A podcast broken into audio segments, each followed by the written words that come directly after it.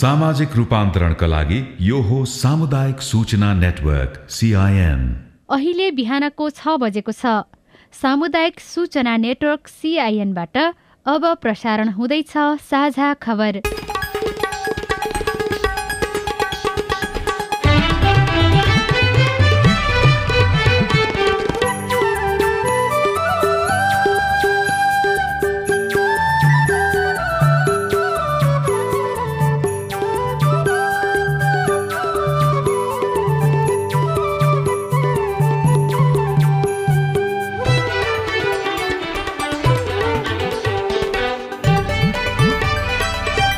शुभ प्रभात। यो सिआइएनको साझा खबर हो। उषा तामाङसँगै लील प्रकाश चन्दको तपाईँलाई स्वागत छ। सामुदायिक रेडियोबाट देशैभरि एकैसाथ प्रसारण भइरहेको साझा खबर सिआइएन खबर डट कम र मोबाइल एप सिआइएनबाट पनि सुन्न सकिन्छ। आज दुई हजार उनासी साल माघ तेइस गते सोमबार फेब्रुअरी छ तारिक सन् दुई हजार तेइस नेपाल सम्बत एघार सय त्रिचालिस माघ कृष्ण पक्षको प्रतिपदा तिथि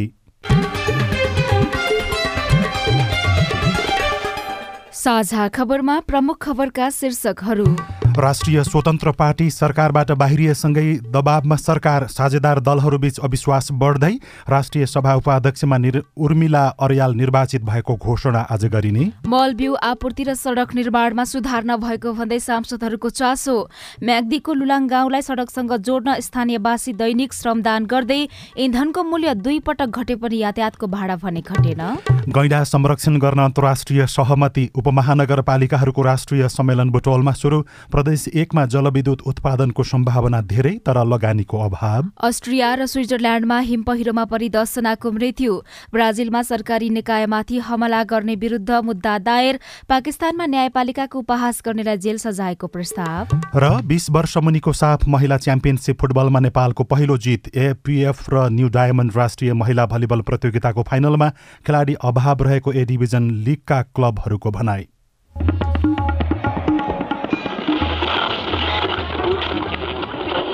सयौं रेडियो। हजारौं रेडियो कर्मी र करोडौं नेपालीको माझमा यो हो सामुदायिक सूचना नेटवर्क सिआइएन साझा खबरको सबैभन्दा सुरुमा रासोपा सरकारबाट बाहिरिएसँगै सत्ता साझेदार दलहरूमा दबाव बढेको प्रसङ्ग। सत्ता गठबन्धनको एक घटक राष्ट्रिय स्वतन्त्र पार्टी बाहिरिएपछि पुष्पकमल दाहाल नेतृत्वको सरकार दबावमा परेको छ। यद्यपि रासोपाले सरकारलाई दिएको समर्थन भने केही समय कायमै राख्ने निर्णय गरेको छ। नागरिकता विवादमा सर्वोच्च अदालतको फैसलाबाट सांसद र गृहमन्त्री पद गुमाएका रासोपा सभापति रवि लामी छाने गृह मन्त्रालयमा फर्किने प्रयास सफल नभएपछि सरकारबाट बाहिरिने निर्णयमा पुग्नु भएको हो। लामिछानेले आइतबार बिहान पनि प्रधानमन्त्री दाहाललाई भेटेर गृह मन्त्रालय दिन आग्रह गर्नुभएको थियो। तर दाहालले अस्वीकार गरेपछि बसेको रासोपाको केन्द्रीय कार्य समिति र संसदीय दलको बैठकले सरकारबाट बाहिरिने निर्णय गरेको हो। प्रधानमन्त्री दाहालले गृह बाहेक अरू मन्त्रालय दिएर लामिछानेलाई मनाउने प्रयास गर्नुभएको थियो तर सफल हुनु भएन। प्रधानमन्त्री प्रचण्डले सत्ता साझेदार दल बीचको एकतालाई जसरी पनि जोगाउने दावी गर्नुभएको छ। हिजो संघीय संसद नयाँ बानेश्वरमा पत्रकारसँग उहाँले सत्ता साझेदार दलहरू बीचको एकतालाई जसरी पनि बचाउनु पर्ने बताउनुभयो। अब मेरो कोसिस त थियो राष्ट्रिय सहमति नै गरौँ भनिरहेको छु भने त हाम्रो सत्ता साझेदारको बिचको एकतालाई त जसरी पनि बचाउन पर्छ भन्ने नै हो मेरो। अदालतको निर्णयपछि पक्कै पनि उहाँहरूलाई अलिक असहज त भएकै थियो। उहाँसँग फेरि भेटेर कुरा गर्छु। उपप्रधान तथा गृहमन्त्री रहनुभएका रामीछानेको नागरिकता तत्काल कायम नरहेको सर्वोच्च अदालतले ठहर गरेपछि पदमुक्त हुनुभएको थियो। प्रधानमन्त्री पुष्पकमल दाहाल प्रचण्डले तत्काल गृहमन्त्री बनाउन नसक्ने जवाब दिएपछि राष्ट्रिय स्वतन्त्र पार्टीले सरकारबाट बाहिरिने निर्णय गरेको हो। वर्तमान राजनीतिक सन्दर्भमा पार्टीले लिनुपर्ने रणनीतिका सन्दर्भमा विश्लेषण गर्दै केन्द्रीय समिति सदस्य र सांसदहरूले आफ्नो धारणा राख्नु भए पश्चात राष्ट्रिय स्वतन्त्र पार्टीले वर्तमान सरकारलाई प्रदान गरेको समर्थनलाई कायम राख्दै पार्टीका तर्फबाट भएका मन्त्रीहरूलाई फिर्ता बोलाइ सरकारबाट बाहिरिने सर्वसम्मत निर्णय गरेको छ। पत्रकार सम्मेलनको धेरैजसो समय सञ्चार माध्यम र पत्रकार तथा सम्पादकलाई गाली गर्नमा खर्च गर्नुभएका सभापति लामिछानेले सञ्चार माध्यमले जथाभावी लेखिदिएकै कारण आफूलाई अप्ठ्यारोमा परेको बताउनुभयो। सभापति लामिछानेले आफूले अमेरिकी राहदानी र नागरिकता नत्याग्दै नेपाली राहदानी पासपोर्ट लिएको स्वीकार गर्दै आफूले त्यसको दुरूपयोग नगरेको जिकिर गर्नुभयो। बाह्र चौध वर्ष बसेको देशबाट त्यसै कागज च्यातेर निस्कन मिल्दैन थियो। मेरो ऋण थियो मेरा केही सम्पत्तिहरू थिए बिजनेस थियो सबै चिजलाई ठिकठाक गरेर आउनको लागि समय लाग्थ्यो। त्यो समय लाग्दै गर्दा म आफ्नो देशलाई चाहिने लाइसेन्स आफूलाई चाहिने पासपोर्टहरू बनाउँदै गर्छु भनेर मैले त्यसरी लिएँ जसको मैले प्रयोग गरिनँ। मैले त्यसलाई लिएँ। हो त्यो प्रक्रियागत रूपमा त्यो सही थिएन त्यसको कानुनी झमेला मैले झेल्नुपर्छ म त्यो कानुनबाट उन्मुक्ति हुनुपर्छ भन्ने मान्छे होइन। मलाई अझ कानुन नै संशोधन गरेर भए पनि सजाय दिइयोस्। तर आम मान्छेको रूपमा म आफ्नो मुद्दा लड्छु। नेपाल पत्रकार महासंघले भने राष्ट्रिय स्वतन्त्र पार्टीका अध्यक्ष रवि लामिछानेले पत्रकार सम्मेलनमा दिनुभएको अभिव्यक्तिप्रति गम्भीर ध्यानकर्षण भएको बताएको छ। महासंघका महासचिव रोशन पुरीले हिजो विज्ञप्ति जारी गर्दै लामिछानेले नेपाली सञ्चार क्षेत्रप्रति आधारहीन र पूर्वाग्रही भएको आरोप लगाउँदै धम्कीपूर्ण अभिव्यक्ति दिनु प्रेस तथा अभिव्यक्ति स्वतन्त्रतामाथिको गम्भीर प्रहार भएको उल्लेख गर्नुभएको छ। नेकपा एमालेका अध्यक्ष केपी शर्मा ओलीले भने राष्ट्रिय स्वतन्त्र पार्टीका सभापति रवि लामिछानेको बचाउ गर्नुभएको छ। सर्वोच्च अदालतले गरेको फैसलाबाट कसले न्याय पाएको भन्दै उहाँले हिजो संसद बैठकमा प्रश्न गर्नुभयो। नागरिकताका विषयमा उजुरी गर्नेमाथि समेत प्रश्न उहाँले उठाउनु भएको छ। अर्को एउटा प्रसङ्गमा एमाले अध्यक्ष ओलीले काङ्ग्रेसले राष्ट्रपतिको निर्वाचनमा विवाद खडा गर्ने प्रयत्न गरेको आरोप लगाउनुभयो। नेपाली काङ्ग्रेस सत्ता बाहिर आफ्नो अस्तित्व आफै विश्वास गर्न नसक्ने अवस्थामा पुगे जस्तो देखिन्छ। सत्ता बाहिर रहँदा सत्तामा विग्रह ल्याउने र अल्पकालीन लाभ लिने अनुभव काङ्ग्रेसका साथीहरूसँग राम्रै छ। हामी बृहत्तर राष्ट्रिय हितमा काम गरौँ राजनीतिक स्थायित्वका लागि योगदान गरौँ अनिश्चय र अस्थिरताको बिउ स्वयंका लागि प्रतित्पादक हुन सक्छ भन्ने बुझौँ। अहिलेको सरकारलाई तलमाथि पार्ने कोसिस गर्नु लोकतन्त्र र जनताको पक्षमा नहुने जिकिर अध्यक्ष ओलीको थियो।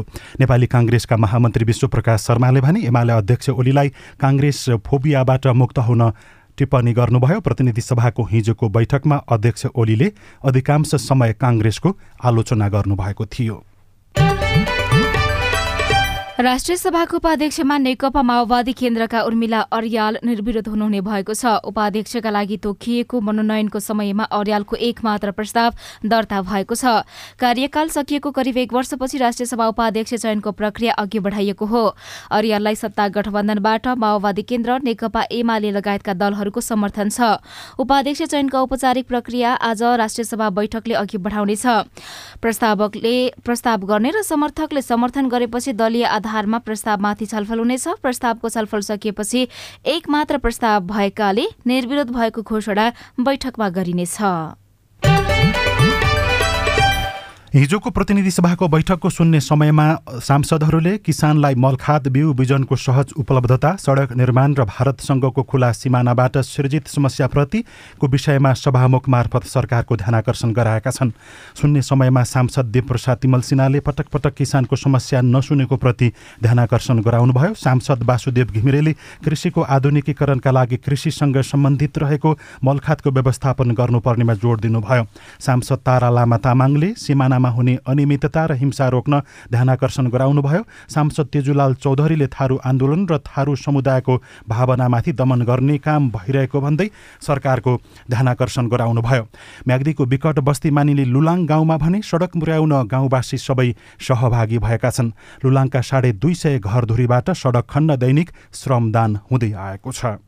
म्याग्दीको धौलागिरी गाउँपालिका दुई लुलाङ्की मनसरा कुमाई पिठ्युमा एक वर्षकी छोरी च्यापेर आफ्नो गाउँसम्म पुर्याउने सडक खन्न व्यस्त हुनुहुन्छ। काखमा बच्चा च्यापेर काममा निस्किनु बाध्यता बनेपछि भविष्यमा यही बाटो हिँड्दा सजिलो हुने आशले उहाँलाई दुःख बुलाइदिएको छ।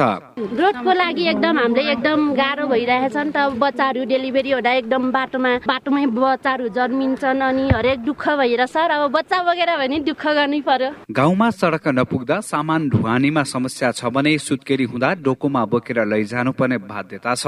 दरबाङ बिम भारबाङ ताकम मुना लुलाङ गुर्जा सडक खण्ड अन्तर्गत लमसुङ गाउँसम्म सडक पुर्याउन महिला पुरुषहरू श्रमदानमा जुटेका हुन्। स्थानीय घनबहादुर विश्वकर्मा। हामी छ वर्ष भयो यो रोडको विषयमा यस्तो अब अगाडि बढौँ यो रोड हामीले यो मा- बाटो चाहियो भनेर। अहिले चाहिँ हामी चाहेरै छोड्यौँ यो चाहेरै लुलाङ पुग्छौँ। सडक निर्माणमा सबैलाई सहभागी गराउने उद्देश्य सहित एक दिन अनिवार्य श्रमदान गर्नुपर्ने नियम यहाँ बनाइएको छ। तल लमसुङ गाउँ भएकाले बस्तीमाथि सडक खण्ड ठूलो उपकरण प्रयोग गरिएको छैन। उपभोक्ता समितिका सचिव ज्ञान बहादुर पाइजा। तल गाउँ माथि चाहिँ बाटो खन्ने भएको कारणले जोखिम मुक्त भएको कारणले गर्दाखेरि मान्छेलाई नै जुन चाहिँ यहाँ चाहिँ सबै काम चाहिँ यहाँ चाहिँ खन्ने काम धेरै लगानी चाहिँ यहाँ लागिरहेको छ। यस वर्ष गाउँपालिकाले पैंचालिस लाख र प्रदेश सरकारबाट अस्सी लाख बजेट विनियोजन गरिएको छ। यसले अहिलेको वर्ष लुलाङ गाउँसम्म सडक पुग्ने अपेक्षा गरिएको गाउँपालिका उपाध्यक्ष रेशम पुन बताउनुहुन्छ। त्यस अलिकति चाहिँ आशा अलिक के छ भने तपाईँको यहाँको समुदाय र हाम्रो पनि के हो भने लुलाङ भन्दा अलि अगाडि नै हामी चाहिँ बाटो लैजान सफल हुन्छौँ कि भन्ने चाहिँ हाम्रो चाहिँ प्रयत्न छ। लुलाङसम्म सडक पुर्याउन चन्दा संकलनलाई कम प्राथमिकता दिएर श्रमदानमा जोड दिइएको छ। यहाँ दैनिक चालिसदेखि साठी जनासम्मले श्रमदान गर्ने गरेका छन्।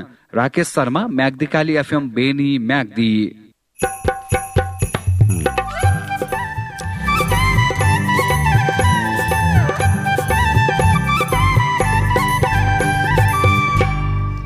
सामुदायिक सूचना नेटवर्क सीआईएन मार्फत देशभरि प्रसारण भइरहेको साझा खबरमा कृषि उत्पादनले बजार नपाउँदा किसान समस्यामा। टोल छिमेकमा सबै मिलेर गाडी ल्याउने गाडीमा हाम्रो भने जतिको मूल्य दिने अनि हाम्रो तोकिया मूल्य दिने अनि यहाँ घरदेखि उठाएर लगे भए सजिलो हुन्थ्यो त्यस्तो छैन सुविधा इन्धनको मूल्य दुई पटक घटे पनि यातायातको भाडा भने घटेन।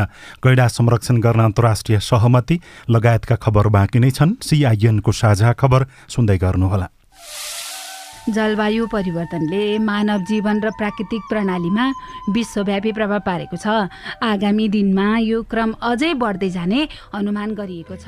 तिम्रो किताबमा पनि जलवायु सम्बन्धी पाठ रहेछ नि होइन विना छ नि। आज म पारिस्थितिकीय प्रणालीमा आधारित अनुकूलन अर्थात् इबिए भन्ने पाठ पढ्दैछु। के रहेछ यो इबिए भनेको? जोखिममा परेका समुदायलाई प्राकृतिक स्रोत र साधनको उपयोग गरी जलवायु परिवर्तनको जोखिम न्यूनीकरण र सामना गरी जिउने र विकसित हुन सहयोग पुर्याउने कामलाई इबिए भनिन्छ। जलवायु परिवर्तनको प्रतिकूल प्रभावको सामना गर्न समुदायहरूलाई सहयोग पुर्याउने यो एउटा नयाँ अवधारणा हो। ए अनि खेती किसानी गर्ने हामीलाई पनि यसले फाइदा गर्छ? गर्छ नि। सुक्खा ठाउँहरूमा कम चिस्यानमा हुर्कन सक्ने बाली नाली लगाउने अनि पहिरो जान सक्ने क्षेत्रमा पहिरो रोकथाम गर्न सक्ने र उपयोगी बिरुवा लगाउने। समुदायलाई फाइदा हुने गरी वन चरण पानीको मुहान जस्ता स्रोतको दिगो व्यवस्थापन गर्ने कामहरू इबिए अन्तर्गत पर्छन् क्या। उसो भए त यो गजबको कुरा रहेछ त। हो त नि धेरै गजबको कुरा हो। इबिए को योजना तयारी र कार्यान्वयन गर्दा स्थानीय जनताको सहभागिता आदिवासी जनजाति संरक्षण कर्मी प्राकृतिक स्रोत व्यवस्थापन अभियन्ता र निजी क्षेत्रका सरोकारवालाहरू बीच पनि समन्वय चाहिन्छ। जलवायु परिवर्तनले निम्ताएका चुनौतीको सामना गर्न जमिन जल र प्राकृतिक स्रोत व्यवस्थापनका सर्वोत्तम उपलब्धिहरूको कार्यान्वयन गरौँ। पारिस्थितिकीय प्रणालीमा आधारित अनुकूलन आयोजना जलवायु परिवर्तन तथा व्यवस्थापन महाशाखा वन तथा वातावरण मन्त्रालय र सिआइएन खै यतै कतै कतै भन्थे यता हो कि तल हो कि माथि कता सर नमस्ते। हजुर नमस्ते नमस्ते। हजुर के सेवा गरौँ? सूचनाको हक भन्ने बारेमा रेडियो टिममा खुब सुनिन्थ्यो। हजुर। आज पालिकामा छिरेको बेलामा सोधिहालेँ हजुरलाई। तपाईँले सही व्यक्तिलाई सही प्रश्न सोध्नुभयो। म चाहिँ यो पालिकाको सूचना अधिकारी हुँ। सूचनाको हक भनेको संविधान कानूनमा उल्लेख भएको नागरिकको अधिकार हो हजुर। अनि यो अधिकार त पत्रकारले मागे पाए भन्ने मात्रै सुनिन्छ त। हामी जस्ता सामान्य मानिसले कसरी प्रयोग गर्ने? सूचना माग्ने पत्रकारले मात्रै होइन। कुनै पनि नेपाली नागरिकले सूचना प्राप्त गर्ने कारण उल्लेख गरी सम्बन्धित सूचना सूचना अधिकारी समक्ष निवेदन दिनुपर्छ।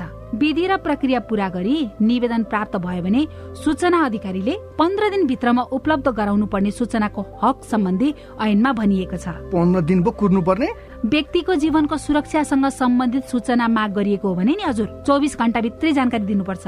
अनि सरकारी वा सार्वजनिक निकायका अधिकारीले सूचना लुकाएमा पच्चिस हजारसम्म जरिवाना हुने व्यवस्था ऐनमा छ। त्यसका लागि चाहिँ राष्ट्रिय सूचना आयोगमा पुनरावेदन गर्नुपर्छ। अनि यो सूचना माग्दा पैसा पनि लाग्छ? लाग्दैन लाग्दैन। निवेदन उजुरी र पुनरावेदन गर्दा पैसा लाग्दैन। सम्बन्धित निकायले दिने सूचना दस पन्ना भन्दा बढीको भएमा चाहिँ प्रति पन्ना पाँच रुपियाँ तिर्नुपर्छ। ल कुरो बुझ्यो। अब भोलि नै म पनि सूचना माग्न आउँछु। हस् हस्। अस्ट्रेलिया सरकार र द एसिया फाउन्डेसनको साझेदारीमा सञ्चालित स्थानीय सरकार सबलीकरण कार्यक्रम र अकोराब नेपाल। सामाजिक रूपान्तरणका लागि यो हो सामुदायिक सूचना नेटवर्क सिआइएन तपाईँ अहिले देशभरिका सामुदायिक radio CIN Khabar dot com र मोबाइल एप सिआइएनबाट एकैसाथ साझा खबर सुन्दै हुनुहुन्छ। मोबाइल एप नेपाली पात्रोबाट पनि सिआइएनको साझा खबर सुनिरहनु भएको छ। आज फाल्गुन कृष्ण पक्षको प्रतिपदा तिथि हुनुपर्नेमा अन्यथा भएकोले सच्याइएको छ। अब बाँकी खबर। सर्वोच्च अदालतले टिकापुर घटनामा दोषी ठहर भएका पूर्व सांसद रेशम चौधरी जोडिएको मुद्दामा दुवै पक्षलाई झिकाउने आदेश दिएको छ। न्यायाधीशहरू टङ्कबहादुर मोक्तान र डाक्टर मनोज कुमार शर्माको इजलासले पूर्व सांसद रेशम चौधरीको पुनरावेदनमा प्रत्यर्थी झिकाउने आदेश गरेको हो। सर्वोच्चले हिजो नै चौधरी विरूद्ध सरकारले दर्ता गरेको मुद्दामा पनि प्रत्यर्थी नै झिकाउने आदेश भएको छ। सर्वोच्च अदालतले हिजो तल्लो अदालतको फैसला चित्त नबुझाएर पुनरावेदन गर्नेको विपक्षीहरूलाई झिकाउनु भनी आदेश गरेको हो। अब आज काठमाडौँबाट प्रकाशित पत्र पत्रिकाको खबर सबैजसो पत्र पत्रिकाहरूमा राष्ट्रिय स्वतन्त्र पार्टीले सरकारलाई दिएको समर्थन फिर्ता लिएको खबर छापिएको छ। गैडा संरक्षण गर्न अन्तर्राष्ट्रिय सहमति भएको कान्तिपुर दैनिकमा खबर छ। गैडा पाइने एसियाका नेपाल भारत भुटान इन्डोनेसिया र मलेसियाका सरकारी अधिकारी र संरक्षणकर्मी तथा विज्ञ सम्मिलित बैठकले एसियन गैडा संरक्षणका लागि चितवन घोषणा पत्र दुई हजार तेइस जारी गरेको छ। चितवनको पटिहानीमा हिजो सकिएको तीन दिने बैठकले गैडा संरक्षण गैडाको संख्या व्यवस्थापन व्यवस्थापन अनुसन्धान तथा सूचना आदान प्रदान समन्वय र सहकार्य जस्ता विषयमा सहमति गर्दै घोषणापत्र जारी गरेको हो। नयाँ पत्रिका दैनिकमा इन्धनको मूल्य दुई पटक घट्यो तर घटना यातायात भाडा शीर्षकमा शिवहरि घिमिरेले खबर लेख्नु भएको छ। यातायात व्यवस्था विभागले विभागको भाडा दर अनुसार काठमाडौँदेखि कपिल वस्तु चन्द्रौटासम्म बस डिलक्स बस र मिनी बसमा यात्रा गरेको सात सय पचास रुपियाँ मात्रै लाग्नुपर्ने हो। करिब तीन सय पच्चिस किलोमिटरको यो दूरीमा चल्ने यातायातका साधनले भने विभागले तोके भन्दा दुई गुणा बढी भाडा असुल्छन् सजिलो सिट र एसी बसका नाममा यातायात व्यवसायीहरूले एक हजार चार सय अस्सी रुपियाँ भाडा असुल्ने गरेका छन्। यस रूटका bus deluxe bus mini bus super deluxe लगायतले विभागले तोके भन्दा दोब्बर भाडा असुल्दै आए पनि विभाग मुखदर्शक बनेको यात्रुहरूको दुखेसो छ। पेट्रोलियम पदार्थको मूल्य बढेको बहानामा भाडा दर बढाएका व्यवसायीले मूल्य घट्दा भने भाडा घटाएका छैनन्। विभागका अनुसार जतिसुकै सुविधा दिए पनि दोब्बर भाडा लिन पाइँदैन। नेपाल यातायात व्यवसाय राष्ट्रिय महासंघका अनुसार व्यवसायीले डिलक्स तथा सुपर डिलक्स सुविधा दिए पनि विभागले तोकेको भाडा दर भन्दा बीसदेखि पच्चीस प्रतिशत बढ़ी लिन सक्छन् तर दोब्बर भाडा भाडा भने लिन पाउँदैनन्। राजधानी दैनिकमा स्वार्थ समूहको प्रभावले थलिँदै राजस्व अनुसन्धान विभाग शीर्षकमा खबर छापिएको छ। राजस्व चुहावट र छलीको अनुसन्धान गर्ने प्रमुख भूमिकामा रहने राजस्व अनुसन्धान विभाग नै अस्थिर बन्दा राजस्व छली नियन्त्रण प्रभावकारी हुन सकेको छैन। गोर्खापत्र दैनिकको भित्री पन्नामा भने प्रदेश एकमा जलविद्युत उत्पादन सम्भावना धेरै लगानी कम शीर्षकमा नवराज कट्टेलले विराटनगरबाट लेख्नु भएको छ। ऊर्जा उत्पादनको राम्रो सम्भावना भएको प्रदेश एकमा लगानी र त्यसका लागि वातावरण निर्माण गर्न आवश्यक रहेको सम्बन्धित क्षेत्रका सरोकारवाला तथा विज्ञहरूले बताएका छन्। प्रदेश एकमा चौतिस हजार मेगावाट क्षमताका आयोजना बन्न सक्ने भए पनि लगानी प्रोत्साहन गर्ने नीति नभएको उनीहरूको धारणा छ। नागरिक दैनिकमा एघार वर्षमा भेरी बबैको निर्माण उनासाठी प्रतिशत मात्रै शीर्षकमा हिमाल लम्सा लेख्नुहुन्छ। सरकारले बाँकी र बर्दियाको एकाउन्न हजार हेक्टर जमिनमा बाह्र महिना सिंचाई सेवा उपलब्ध गराउने भन्दै अघि सारेको भेरी बबै बहुद्देशीय सिंचाई आयोजना अघि सारेको एघार वर्ष बितिसक्यो। सरकारी लक्ष्य अनुसार यो योजना चालु आर्थिक वर्ष दुई हजार उनासी अस्सी भित्र निर्माण सम्पन्न हुनुपर्ने थियो। चालु आर्थिक वर्षको पुष मसान्तसम्मको अवधिमा पनि यो आयोजनाको समष्टिगत भौतिक प्रगति भने उनासाठी दशमलव एक शून्य प्रतिशत मात्रै सकिएको छ। र लुम्बिनी प्रदेशका प्रमुख अमिक शेरचनले संघीयता कार्यान्वयनमा स्थानीय सरकारको भूमिका महत्वपूर्ण रहने बताउनु भएको छ। बुटोल महानगरपालिकाले आयोजना गरेको प्रथम उपमहानगर राष्ट्रिय सम्मेलनको हिजो उद्घाटन गर्दै प्रदेश प्रमुख शेरचनले संघीयता बलियो बनाउन स्थानीय सरकारलाई बलियो बनाउनु पर्ने बताउनु भएको हो। बुटोलमा उपमहानगरपालिकाहरूको राष्ट्रिय सम्मेलन शुरू भएको छ। बुटोलबाट रेखा भूषालले खबर लेख्नु भएको छ। साझा खबरमा अब प्रश्नोत्तर श्रृङ्खला सजना तिमल सिन्हाबाट। पोखराबाट गणेश सुवेदीले तनहुको आबुखैरेनी गाउँपालिकामा किताकाट कहिलेसम्ममा खुल्ला भनेर सोध्नु भएको छ। गणेशजी तपाईँको प्रश्न हामीले तनहुको आबुखैरेनी गाउँपालिकाका प्रमुख प्रशासकीय अधिकृत विष्णु प्रसाद शर्मालाई सुनाएका छौं। आबुखैरेनी गाउँपालिकाको भूमि वर्गीकरणको काम अन्तिम चरणमा पुगेको छ। किता अनुसार कृषि क्षेत्र र गैर कृषि क्षेत्रको रुजु गर्ने काम करिब सकिएको छ। कार्यान्वयन समितिले जनतासँग बसेर अन्तिम छलफल गरी यकिन गरेपछि अबको पन्ध्र दिनमा किता काठको काम सुरु गर्न सकिन्छ। नमस्कार मेरो नाम फतेह सिंह थारू हो। म बर्दिया जिल्लाको बाराबर्दी नगरपालिका वाडा नम्बर दसबाट बोल्दैछु। जग्गाको छिनोथानो किता काठ कहिले खुल्छ? यो किता काठ कुन कुन बेला गराउन सकिन्छ?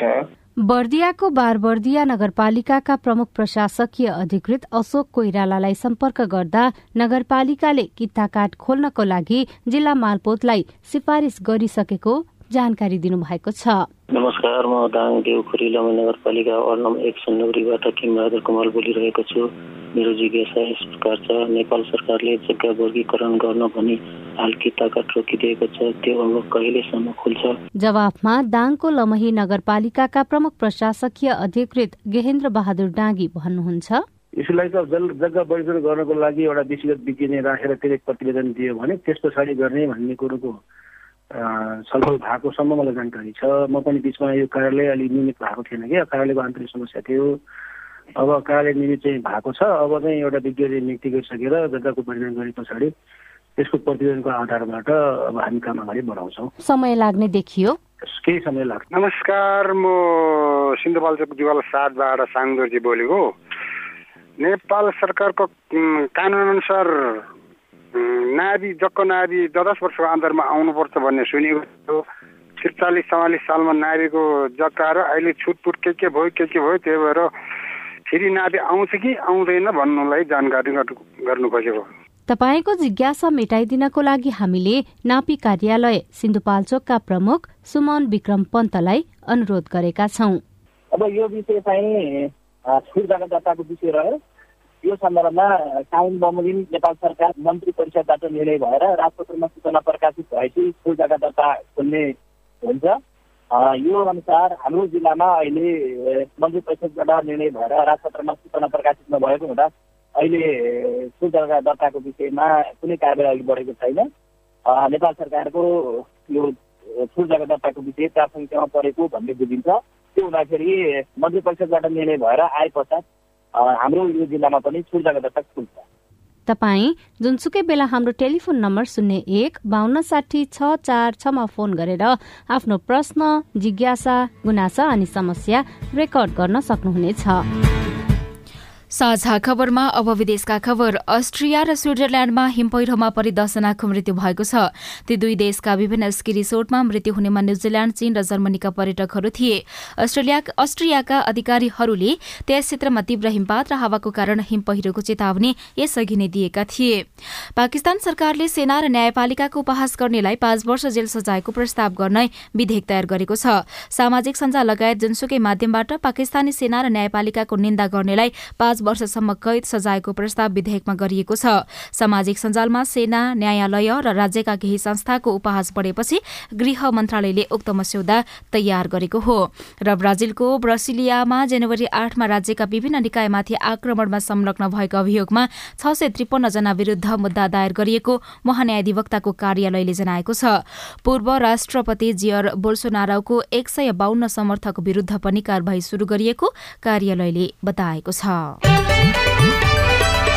अब खेल खबर बङ्गलादेशमा चलिरहेको बीस वर्ष मुनिको साफ महिला च्याम्पियनसिप फुटबलमा नेपालले पहिलो जित निकालेको छ। ढाकामा भएको खेलमा नेपालले हिजो भुटानलाई चार शून्यले हराएको हो।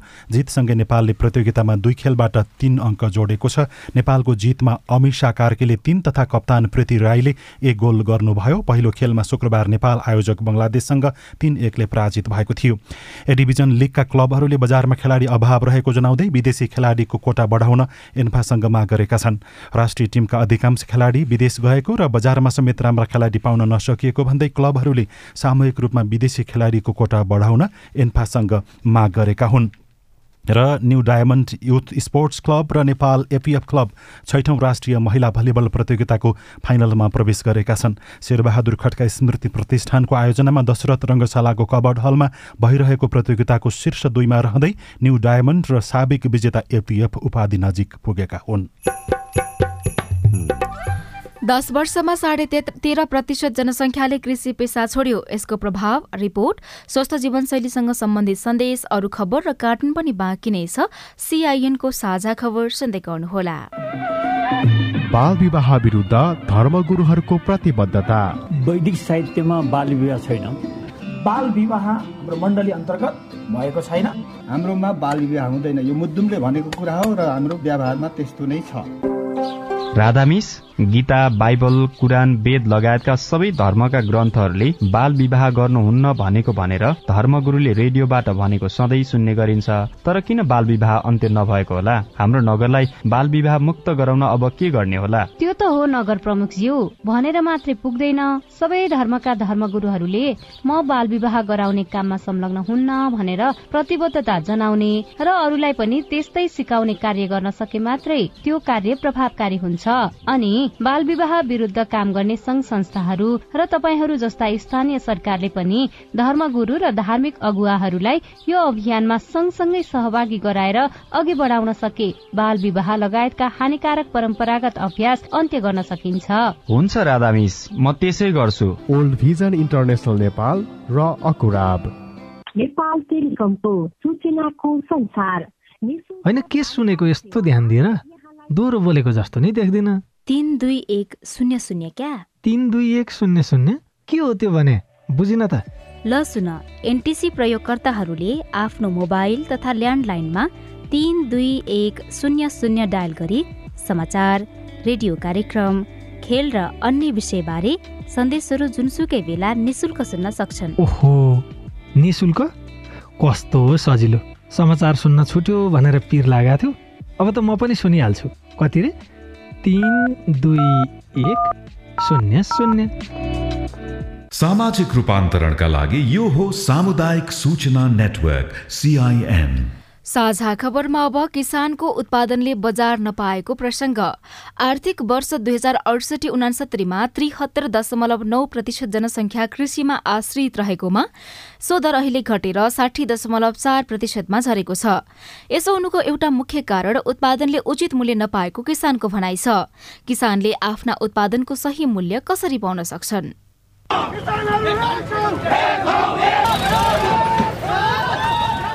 गएको शुक्रबार चितवनको पुल्चोकमा किसानले कृषि उत्पादन सड़कमा फालेर विरोध जनाए। आफ्ना उत्पादनले लागत अनुसारको मूल्य समेत पाउन नसक्ने अहिलेको अवस्था अन्त्य हुनुपर्ने किसानको माग छ। राज्यले हामीले उत्पादन गरेको चिजलाई समयमा बजारमा पुऱ्याइदियोस्।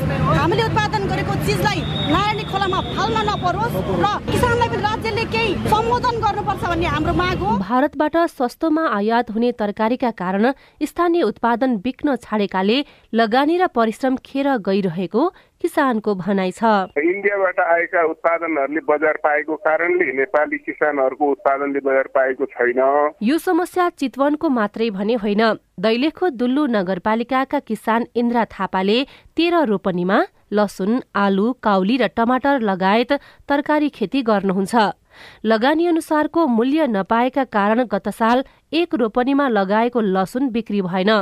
यसपालि पनि बिक्री नभएकाले बारीमा तरकारी खेर जाने अवस्थामा छ। बजार थोरै छ कृषि गर्ने मान्छेहरू धेरै छन् तरकारीले भने जस्तो मूल्य पाउन्न अब सजिलो त हामीलाई हामी जति उब्जनी हुन्छ तरकारीहरू थोरा तिना भएको टोल छिमेकमा सबै मिलेर गाडी ल्याउने गाडीमा हाम्रो भने जतिको मूल्य दिने अनि हाम्रो तोकिया मूल्य दिने अनि यहाँ घरदेखि उठाएर लगे भए सजिलो हुन्थ्यो अब त्यस्तो छैन सुविधा। पछिल्ला दस वर्षमा साढे तेह्र प्रतिशत जनसङ्ख्याले कृषि पेसा छाडेकाले नेपालमा कुल गार्हस्थ्य उत्पादनमा कृषि क्षेत्रको योगदान समेत करिब सात प्रतिशतले घटेको अर्थ मन्त्रालयले जनाएको छ। सरकारले कृषिको व्यवसायीकरण र बजारीकरणको कुरा गरिरहँदा किसान भने मूल्य नपाएर सड़कमा तरकारी फालिरहेका छन्। कृषि बजार नहुनु र भारतबाट आयात हुने तरकारी प्रमुख कारण रहेको राष्ट्रिय कृषक समूह महासंघका अध्यक्ष नवराज बस्नेत बताउनुहुन्छ। नेपाल सरकारले खरिद गर्ने व्यवस्था छैन। उनीहरूले खरिद गर्ने भण्डारण गर्ने प्रशोधन गरेर बजारीकरण गर्ने कुरा भएको भए त्यसले अलिकति प्राथमिकता पाउँथ्यो। समर्थन मूल्य तोकिनु कार्यान्वयन नहुनु र समर्थन मूल्य नतोकिनु र विदेशी आयात भएका चाहिँ उत्पादनहरूले प्राथमिकता पाउने कारणले गर्दा नेपाली उत्पादनहरूले बजार पाउन सकेको स्थिति छैन। एकातिर बजारको अभाव छ भने अर्कातिर बिचौलियाका कारण किसानले कम मूल्य पाउने तर उपभोक्ताले महँगोमा किन्नुपर्ने बाध्यता छ। कृषि उपजबाट किसानले वास्तविक मूल्य पाउने अवस्था बनाउन सरकारले के गर्नुपर्छ? कृषि विज्ञ चित्रनाथ पौडेल। स्थानीय लेभलको किसानले नजिकै बजार भएको किसानले त सकेसम्म आफ्नो उत्पादन आफैले बिक्री गर्न सक्यो भने त्यो मूल्य पुरै पाउँछ। स्थानीय उपजलाई प्रवर्धन गर्नको लागि केही कार्यक्रमहरू सहित हाट बजारहरूको निर्माण गर्यो भने केही हदसम्म सबै त हुँदैन होइन? अब तर ठिकै ठिकै प्रोडक्टिभिटी भएको ठाउँ बल्ल सुरुवाती चरण भएको ठाउँमा त त्यो असाध्यै प्रभावकारी हुन्छ। नेपालमा वर्षेनी दुई खर्ब बढीको कृषिजन्य वस्तु आयात हुने गरेको छ। नेपालमै उत्पादित कृषिजन्य वस्तुको बजारीकरणका लागि प्रभावकारी योजना कार्यान्वयन गरे पचास प्रतिशत आयात प्रतिस्थापन गर्न सकिने विज्ञहरू बताउँछन्। सुशीला श्रेष्ठ सिआइएन काठमाडौँ। रिपोर्टसँगै हामी साझा खबरको अन्त्यमा आइपुगेका छौँ। सामुदायिक रेडियो प्रसारक सङ्घद्वारा सञ्चालित सिआइएनको बिहान छ बजेको साझा खबर सक्नु अघि मुख्य मुख्य खबर फेरि एकपटक। रासोपा बाहिरिएसँगै सरकार दबावमा साझेदार दलहरूबीच अविश्वास बढ्दै राष्ट्रिय सभा उपाध्यक्षमा उर्मिला अर्याल निर्वाचित भएको घोषणा आज गरिने। मल बिउ आपूर्ति र सडक निर्माणमा सुधार नभएको भन्दै सांसदहरूको चासो म्याग्दीको लुलाङ गाउँलाई सडकसँग जोड्न स्थानीयवासी दैनिक श्रमदान गर्दै इन्धनको मूल्य दुई पटक घटे पनि यातायातको भाडा भने घटेन गैडा संरक्षण गर्न अन्तर्राष्ट्रिय सहमति उपमहानगरपालिकाहरूको राष्ट्रिय सम्मेलन बुटवालमा सुरु। अस्ट्रेलिया र स्विजरल्याण्डमा हिमपहिरोमा परि दसजनाको मृत्यु ब्राजिल ब्राजिलमा सरकारी निकायमाथि हमला गर्ने विरुद्ध मुद्दा दायर। र बिस वर्ष मुनिको साफ महिला च्याम्पियनसिप फुटबलमा नेपालको पहिलो जित। साझा खबरको अन्त्यमा कार्टुन कार्टुन हामीले यी हिमालय टाइम्समा महेश बस्ताकोटीले बनाउनु भएको चसक्क शीर्षकको कार्टुन लिएका छौँ। व्यङ्ग्य गर्न खोजिएको छ जहाँ पनि बिचौलियाहरू करोडौँ कमाउन सक्छन् तर जसले उत्पादन गर्छ उनीहरूले त्यो मूल्य नपाएको भनेर विभिन्न समाचारहरू आइराखेको छ। यहाँ एउटा बन्द कोठा छ तिनजना व्यक्तिहरू छन् दुईजना पुरुष एकजना महिला। दुईजना पुरुषहरू बिचको कुराकानी सकिएपछि एकजना पुरुष जस्ता देखिने व्यक्तिले नजिकै रहेका महिलालाई केही भन्दैछन्। तल चाहिँ यस्तो लेखिएको छ। केटो तरकारी बिचौलिया रहेछ सम्पत्ति टन्नै कमा रहेछन् छोरी दिने हो त बुढी यस्तालाई। हवस् त प्राविधिक साथी सुभाष पन्तलाई धन्यवाद। अहिलेलाई लीलप्रकाश चन्द्र उषा तामाङ विदा भयौँ। तपाईँको आजको दिन शुभ होस्। नमस्कार। यसपछि देशभरिका सामुदायिक रेडियोबाट कार्यक्रम जीवन रक्षा प्रसारण हुनेछ। सुन्ने प्रयास गर्नुहोला।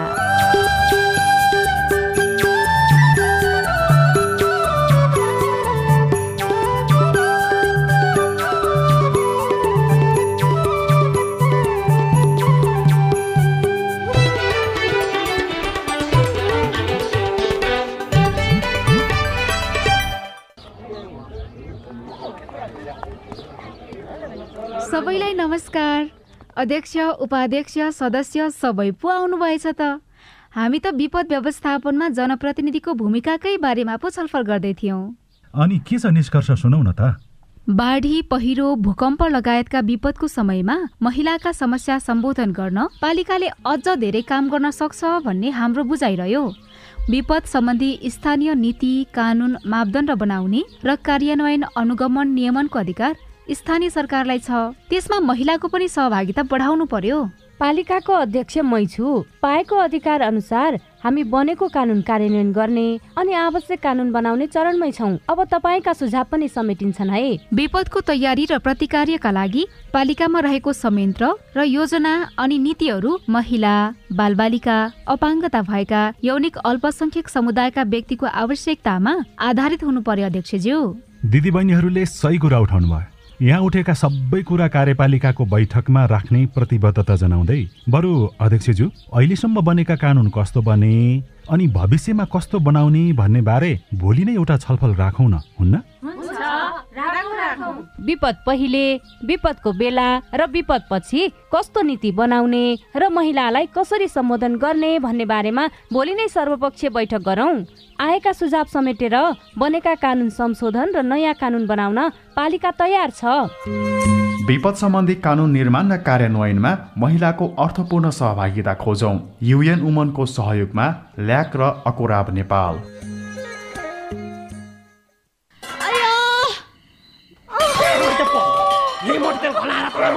ए बुढा बुढा लौ न नि त्यो माइलाले त मार्ने भयो त माइलीलाई। मटी तेल पो खनाउँदैछ त। लौ न नि झट्टै पुलिस बोलाइदिनु त।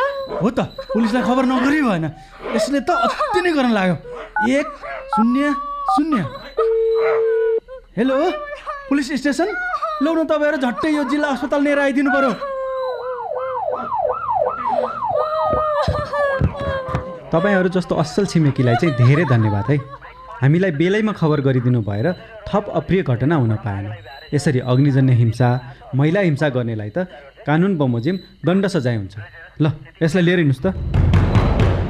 सावधान। पेट्रोल मट्टीतेल जस्ता ज्वलनशील पदार्थ लगायत तेजाब करेन्ट आदिले जलाई ज्यान मार्ने अङ्गभङ्ग गर्ने शारीरिक क्षति पुर्याउने जस्ता आपराधिक कार्य गर्नेलाई प्रचलित कानुन अनुसार कडाभन्दा कडा सजाय तथा जरिवानादेखि जन्म कैदसम्म हुने व्यवस्था छ। त्यस्ता कार्य नगरौँ नगराउँ। अग्निजन्य हिंसा भएमा उजुरी गर्न प्रहरीको नम्बर एक शून्य शून्यमा र अन्य आवश्यक सहयोगको लागि बिबिएस नेपालको फोन नम्बर शून्य एक चौन्न पचपन्न छ आठ नौमा सम्पर्क गर्नुहोला। अग्निजन्य हिंसा विरुद्धको अभियानमा एक्सन एड नेपाल र बिभिएस नेपालद्वारा जनहितमा जारी सन्देश।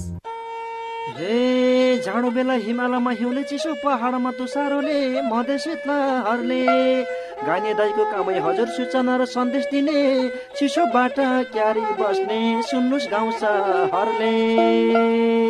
र्याई र्याई सारङ्गी तारा चिसोबाट जोगिनुहोस् हजुर। दिउँसो भन्दा साँझ बिहान चिसो हुन्छ धेर। न्यानो लुगा लगाएर हिँडौँ बाहिर फेर। बुढाबुढी बालबच्चाको विशेष ध्यान राखौँ। दमखोकी निमोनिया हुनबाट जोगाउँ। चिसो लाउला रोगले साताउला तातो पानी पिउनाले जोगाउला।